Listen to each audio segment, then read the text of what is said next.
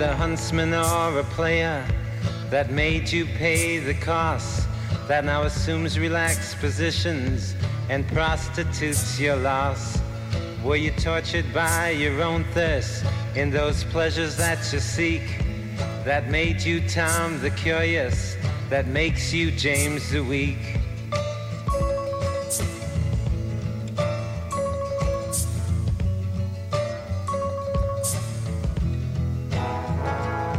And you claim you got something going. Something you call unique. But I seen your self-pity showing as the tears roll down your cheeks.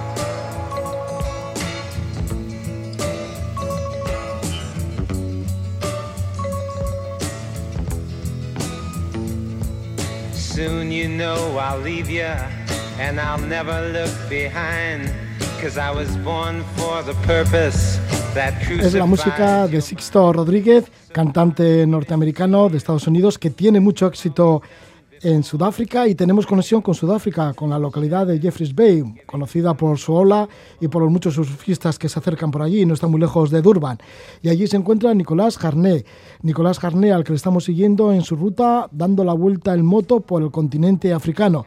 Y hicimos una conexión hace bastante tiempo cuando se encontraba en Mali, la anterior fue en Zambia, nos contaba historias increíbles de todas las aventuras que está teniendo por el camino. Por ejemplo, nos decía que en Nigeria estuvo más de un mes en una ONG de ayuda a niños abandonados, también subió al volcán del Monte Camerún, estuvo en una zona en donde actúa la guerrilla y pasó por pueblos devastados en este país, en Camerún, ha tenido una relación estrecha con algunos animales salvajes en este recorrido por el continente africano. Nos habíamos quedado en Zambia. Em, fue curioso porque en la última entrevista, en la segunda, en Zambia, estaba en la compañía espontánea de un pavo real. En esta ocasión no sé con quién estará Nicolás Jarné. Muy buenas noches, Nicolás.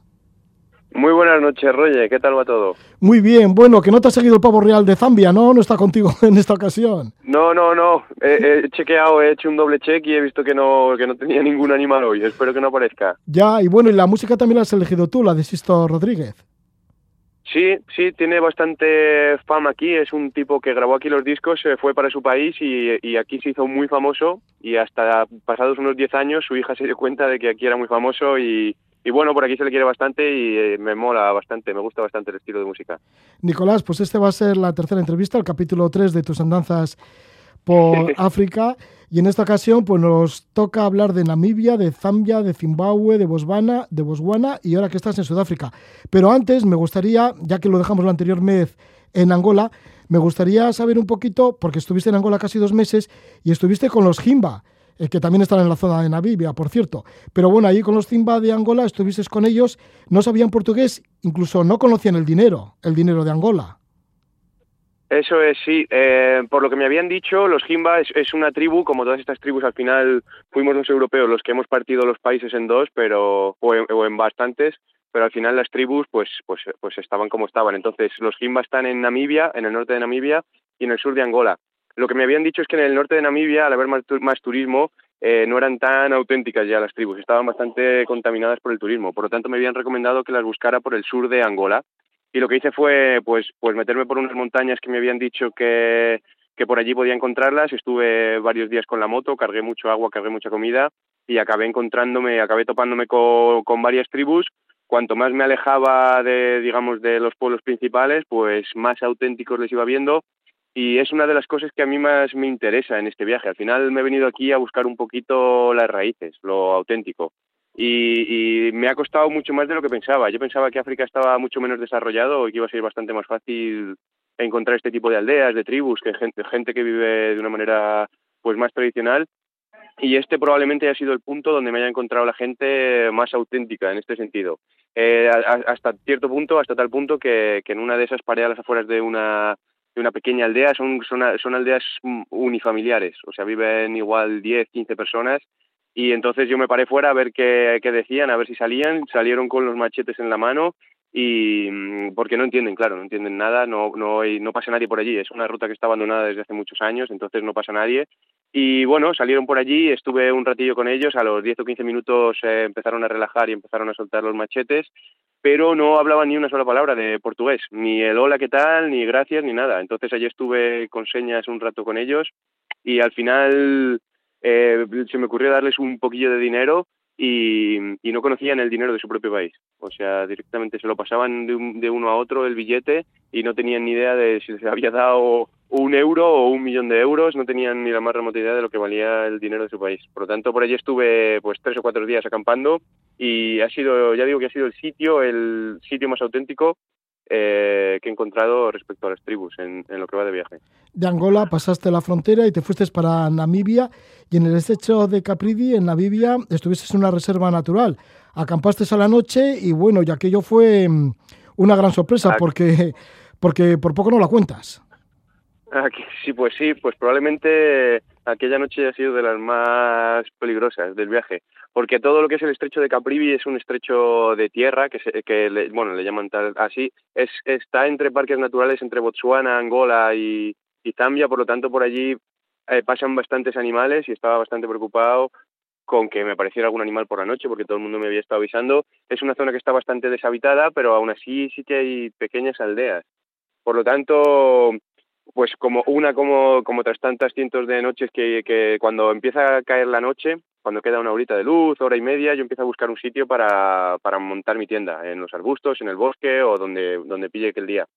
Y ese día se me estaba empezando a hacer eh, de noche, empecé a buscar un par de sitios que no me convencieron porque había alguna aldea muy cerca o, o había gente por allí merodeando, por lo tanto cada vez se me hacía más de noche y tenía que buscar un sitio para poner la tienda que estuviera. Tampoco yo me vuelvo muy loco buscando, pero sí que quiero algo que, esté mínimamente resguardado.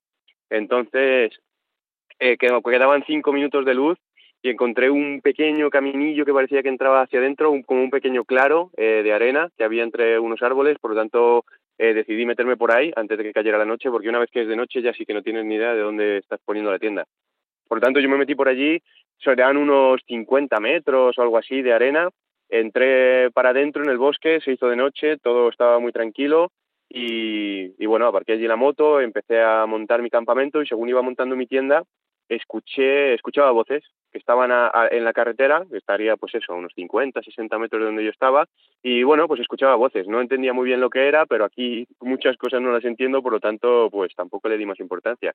Empecé a montar mi campamento, eh, me hice la cena con, con el hornillo de gasolina, y al final pues tardo un rato, tardo como una hora, hora y media entre que desmonto y desmonto todo. Y la cosa es que cada vez oía más voces en la carretera. Entonces yo no, entendía nada, pero pues ya había montado todo, era de noche, no venía nadie tampoco, había pasado una hora y pico, pues, pues decidí, montar, decidí meterme en la tienda, en el saco, y según estaba en el saco, a los cinco minutos empecé a escuchar las voces cada vez más cerca. Y ahí ya pues se me hizo bastante raro porque por la noche esta gente no, no entra en este tipo de sitios, en un bosque que no, que no, hay, no había nada, o sea, simplemente eran arbustos. Por lo tanto, se me empezó a hacer un poco raro y vi que cada vez estaban más cerca las voces. Eh, asomé la cabeza y vi que venían, que había gente con linternas apuntando, como, como buscando. Veía la, la luz de la linterna en la copa de los árboles, que se movía, había dos o tres, y entonces ya pues dije, pues, pues qué raro, pues no sé si será por mí, pero vamos, se me hizo súper raro.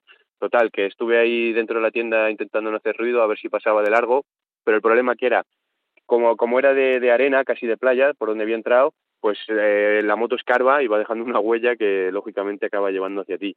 Por lo tanto, pues, pues me empezaba a oler que, que venían a por mí. Entonces, eh, según, según se acercaron bastante, dijeron algo así como, oh, señor, señor, eh, y yo me hice, me hice el tonto, hice que no salí, no, no, como si no estuviera ahí. Eh, volvieron a repetirlo y ya pues, pues no me quedaba más remedio. Yo estaba metido dentro de mi saco, intenté tapar como cuando eres pequeño que parece que no, que no pasa nada si te tapas con la manta, pero, pero ahí seguían, total, que asomé la cabeza, era ya de noche, noche cerrada, y lo primero que vi fue una silueta de un señor eh, iluminada por detrás con las linternas. Era oscuro, entonces yo simplemente vi la silueta y vi que en la mano derecha llevaba una pistola y ahí pues por un segundo se me paró el corazón y pensé que dije pues ya la hemos liado. Entonces miré justo detrás de él y había bastantes personas con machetes también en la mano, yo solo veía las siluetas. Entonces eh, afortunadamente eh, reacciono bastante rápido en esas situaciones. Entonces en vez de ponerme nervioso pues actúo con normalidad. Salí, saludé como si no pasara nada y, estuve rápido y les dije que había tenido un problemilla con la moto y que había tenido que acampar allí, que era turista. Entonces, eh, eh enseguida vi que el, que el que llevaba la pistola era policía y detrás había otro policía y los demás eran de, de, una aldea. Entonces pregunté que si pasaba algo y ellos empezaron a hablar, empezaron a hablar bastante fuerte entre ellos, yo no me entero de nada y al final, eh, bueno, hablando cinco minutos, la policía les tranquilizó a ellos, les dijo que yo era turista y me dijo que me tenía que ir de allí. Y yo ya tenía todo el chiringuito montado, estaba metido dentro del saco y pues al final ya era de noche. Yo les dije que por mí, que no había problema, que lo sentía por haberles molestado, pero que ya yo dormía allí.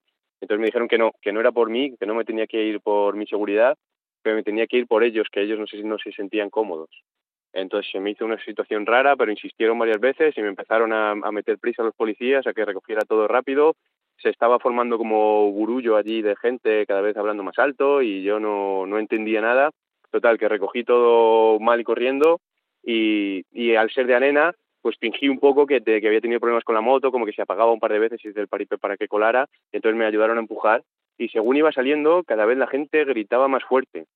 Tardé, pues igual son 50 metros con arena, pues igual son 3 o 4 minutos lo que tardas en salir de allí. Y cada vez la gente más fuerte, la policía me metía prisa, me ayudó a empujar la moto para salir y según faltaban unos 10 metros para salir, había un grupo de mujeres que se habían quedado fuera y estaban gritándome como locas, gritando como, como, como locas, como en las películas. Entonces yo no entendía nada. Yo, yo, yo simplemente pues estaba medio dormido, apareció todo esto, yo iba saliendo, la policía me iba empujando, metiendo prisa, vamos, vamos, vamos. Y entonces, según íbamos saliendo ya, hubo un par de mujeres que salieron por mí corriendo, como a pegarme, y los hombres las, las pararon y la policía me empezó a meter más prisa, más prisa, entonces salí de allí, cogí la carretera y según estaba cogiendo me empezaron a lanzar piedras y entonces salí disparado, no me dieron, dieron a la maleta un par de piedras, pero no me hicieron nada y salí disparado el coche de policía salió tras mío, yo luego ya me puse a seguirle y al final, bueno, me dijeron que le siguiera, que esa noche dormía en la comisaría con ellos y al final yo no entendía nada, claro, entonces una vez que llegamos me, les pregunté qué, había pasado, yo de repente me vi en la comisaría, y estaba metido en mi tienda y estaba después en la comisaría, por lo tanto les pregunté y me dijeron que, en ese bosque hace unos años habían asesinado a alguien. Por lo tanto, una cosa que a mí me ha chocado mucho en este viaje, probablemente de las cosas que más me haya chocado, es que eh, es la creencia tan fuerte, tan ciega que tienen aquí en la magia, en los chupasangres, en los vampiros, en las brujas y en la magia negra y en este tipo de cosas. Eh, yo pensaba que había algún pueblo remoto que tenía estas creencias, pero lo que he ido descubriendo con este viaje es que, es que al igual que, que, ven el agua y saben que el agua existe, para ellos es igual de cierto que, que la magia negra existe. Entonces ellos se pensaban, alguien me vio entrar a última hora me vieron con la moto grande, pensaban que éramos dos por todas las maletas que llevo y se pensaban que yo era el asesino del bosque, que había matado a, no sé si había sido una persona, dos personas, tampoco pregunté mucho más. Entonces se reunieron allí, empezaron a juntarse todos, no se atrevían a meterse conmigo y afortunadamente Namibia es un país que está bastante desarrollado y tiene policía a la que llamar, porque los demás países, si esto me pasa en el Congo, pues entra a la aldea, entra a la aldea por ti y intenta explicarles que, quién eres o qué haces. Afortunadamente la policía tenía, era, pues tenía dos dedos de frente, entendió la situación, vio que yo era turista y me sacó de allí. Pero, pero sí, fue una situación bastante peliaguda. En el momento tengo la suerte de que no me pongo nervioso ni veo el peligro, la suerte o el peligro o, el este o, la, la, la, esta. Pero, pero luego con el tiempo sí que me he ido dando cuenta de que, de que la situación fue peligrosa. O sea, al día siguiente empiezo a pensar lo que podía haber pasado y ahí veo las consecuencias. En el momento, pues, pues tengo, tengo esa, esa manera de actuar que no me pongo demasiado nervioso. Entonces simplemente pues eso, me confundieron, al final quedó en un susto, eh, aprendí un poquillo la lección, me ayudó a entender más un poco el continente, cómo, cómo funciona pues eso, las creencias y la cabeza de esta gente. Y bueno, he seguido acampando desde entonces y no he tenido ningún otro problema. Eh, llevo más de un año acampando y ha sido el único problema así de este estilo. Entonces creo que ha sido pues estar en el sitio equivocado, en el momento equivocado que justo me hayan visto entrar y, pues eso, se ha juntado todo. Y en el bosque equivocado, ¿no? Porque te han confundido con una especie de chupasangres o algo así. Sí, sí, sí. Eh, ellos son como eh, las mujeres las, encasillan con brujas y los hombres son como como que chupan la sangre de las personas y las matan. Entonces, pues sí, me confundieron y, estoy seguro que a día de hoy eh, la gente de la aldea aquella está convencida de que yo soy un chupasangre. O sea, no no no les puedes sacar de ahí. No hay bueno, Pues no vuelvas por allí. El caso es que, bueno, no, no, no. ya seguiste camino por Namibia, llegaste a Zambia, estuviste por el Parque Nacional de Luambwa, que dicen que es muy bonito, y en Namibia estuviste todo un mes y, entre otras cosas, paraste en una ONG eh, con una chica alemana que lleva 30 años y escolariza a niños. Sí, eh, paré en Zambia. No recuerdo ahora mismo la localidad, pero, pero tiene ha montado una pequeña ONG, tiene unas 80 personas. Es una señora alemana que tiene ochenta y tantos años, no recuerdo cuántos eran, pero unos 84, si no recuerdo mal.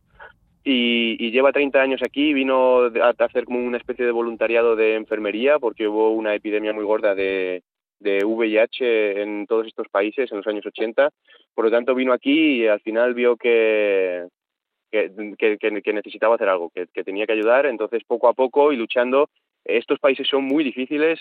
Si eres mujer, son todavía mucho más difíciles. Por lo tanto, yo me quito el sombrero ante la gente como, como esta señora, que al final lo que ha hecho es dar su vida para ayudar a, esta gente. Estuve yo una semana más o menos y, y, de fuera todo parece siempre mucho más fácil, pero cuando ves desde dentro, me invitó a una reunión que hacen ellos cada semana para organizarse y ves todo el, las complicaciones que hay por dentro, eh, me hace que todavía lo admire un poco más. Y lo que hace su, su idea, lo que me estuvo contando, es que ella quiere dar herramientas a la gente, a las ochenta y tantas personas de allí, de la comunidad, para que puedan desarrollarse por sí mismos. O sea, les da educación, tiene una especie de, de huerta, tiene también animales que, que crían, tiene una cocina. Entonces hay gente de todas las edades, todos trabajan allí y aprenden a ser autosuficientes. Ella, su, su objetivo es que sean autosuficientes. Entonces, pues al final con las ONGs tan grandes tipo UNICEF, tampoco, yo por lo menos no he visto tanto lo que hacen ni, ni es todo mucho más opaco. Pero cuando llego a este tipo de ONGs que, que, ves todo cara a cara y ves el, día a día y, entiendes perfectamente o ves perfectamente todo lo que están haciendo, las consecuencias que han tenido, a la gente que han ayudado, pues pues eso, pues yo para mí me alucina que haya alguien con esa fuerza de voluntad y con ese corazón para hacer semejante cosa. Así que nada, allí pasé una semana y, eso, lo disfruté mucho. Ya, y luego llegaste a Zimbabue y te tocó una época bastante mala porque el país se desmoronaba, grandes colas para las gasolineras, para las tiendas, encima te pusiste malo de, del estómago y luego inclusive los hipopótamos salieron una noche en la que estabas tú acampado y casi, bueno, pues, bueno, que casi estuviste a punto de, estar mm, muy cerca de ellos, ¿no? O sí que estuvieron muy cerca de tuyo los hipopótamos a la noche. Eh, estuvieron muy cerca ellos de mí, sí. Eh, acampé a las afueras en Zimbabue, a las afueras de un parque natural que se llama Manapuls. Entonces, eh, tienen como una especie de campamento con césped y yo era el único que estaba ya acampado. Deben ser unos 100 metros de largo de césped a orillas del río. Eh, desde hacía ya unos cuantos meses todos estos ríos están infestados de hipopótamos. Yo pensaba que había pocos, pero por estos países hay muchos. Lo que sí que suelen quedarse en su sitio, tú te quedas en el tuyo y, nunca había tenido un encontronazo así tan directo. Entonces, pues por la noche eh, salí de la tienda y cuando volvía vi que estaban por allí comiendo. Estaban, había uno grande y uno pequeño. Entonces ellos estaban como a 50 metros eh, esperé a que se alejaran un poquito más de mi tienda, me pegué un sprint y me metí a la tienda a dormir sin, sin hacer mucho ruido. Y entonces de repente empecé a escuchar, eh, van como, son como vacas, van rumiando, van comiendo del suelo de césped, por lo tanto hacen bastante ruido con los dientes. Entonces yo estaba dentro de mi tienda y vi que de repente que cada vez sonaba más fuerte y más fuerte y más cerca y más cerca y más cerca y, y no sé por qué razón, pero, pero al, al hipopótamo le dio por acercarse a mi tienda. Y en una de esas eh, son como una máquina corta césped pero con patas. Van van van en línea recta y van comiendo todo alrededor de lo que pueden alrededor de los árboles o de las piedras o de lo que pillan. Entonces se dio una vuelta a mi tienda comiendo y en una de esas me rozó con el culo la tienda. Por lo tanto eh, le tuve pues igual a 30 o 40 centímetros eh, tienda mediante, pero, pero sí, esa situación fue bastante así porque, porque todo el mundo me lleva avisando de que el hipopótamo es el animal más peligroso aquí en África o el que más gente mata por lo tanto, al final siempre escuchas historias y te va metiendo mucho miedo de este tipo de cosas. Yo tuve suerte, pero tampoco lo pasé bien ni tampoco lo repetiría. Así que luego por la noche estaban por allí un poco lejos a su bola, tú estás a la tuya y, y mientras no te vean ni te metas mucho con ellos, eh, en principio yo por lo menos la experiencia que he tenido es que te dejan más o menos tranquilo. ¿Por si acaso no te dio ganas de marcharte rápidamente en la moto? Aunque fuera de noche. No, yo, no, no, yo estaba allí en el campamento, estaba dentro de la tienda. Si al final de noche ellos ven, ni tú no ves. Por lo tanto, yo creo que lo, más seguro en estos casos o por lo menos lo que yo pienso es quedarte dentro de la tienda porque para ellos, para los animales, mientras no vean que hay nadie dentro, no te vean entrar o no vean una luz o no te escuchen, para ellos es como si fuera una roca. Es, es una cosa que hay allí para los elefantes y para todo este tipo de animales. Entonces, ya, pero el olfato... es muy raro. El olfato sí, pero por alguna razón lo que me han ido diciendo todo el mundo que vive por aquí es que no, que tú si te quedas en la tienda ellos no, no te molestan. Al final el, el, hipopótamo es, es vegetariano, no come carne, por lo tanto si no, si no se siente atacado, si no tiene que defenderse, él no va a ir a por ti, como los elefantes y como los otros animales. Por lo tanto, si te quedas dentro de la tienda, yo las experiencias que he tenido es que ellos van por su lado y, tú por el tuyo. No te pisotean, ni intentan entrar, ni nada, de momento. ¿Había muchos elefantes también por la zona? Sí, sí, sí vinieron. Eh, fue mi primer encontronazo tan cara a cara con los elefantes que pasó lo mismo. Yo estaba por allí por la noche. De hecho, estaba grabando a los hipopótamos, el ruido que hacían por la noche fuera, y de repente al darme la vuelta vi que venía una mancha enorme gris.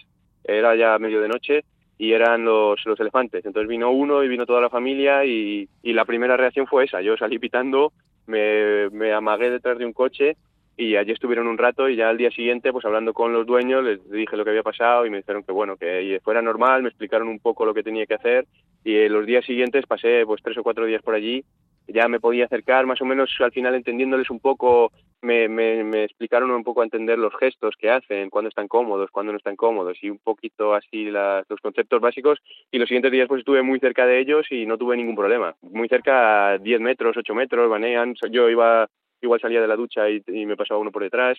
Y entonces, pues es peligroso, yo creo, si, si les subestimas, pero si tú les tratas con respeto y les das su espacio y estás atento y tienes un poco de suerte, no, yo no, he tenido todavía problemas con ellos, afortunadamente. Estamos en contacto con Nicolás Jarnés, se encuentra en Jeffreys Bay, en Sudáfrica, y da la vuelta al continente africano el moto.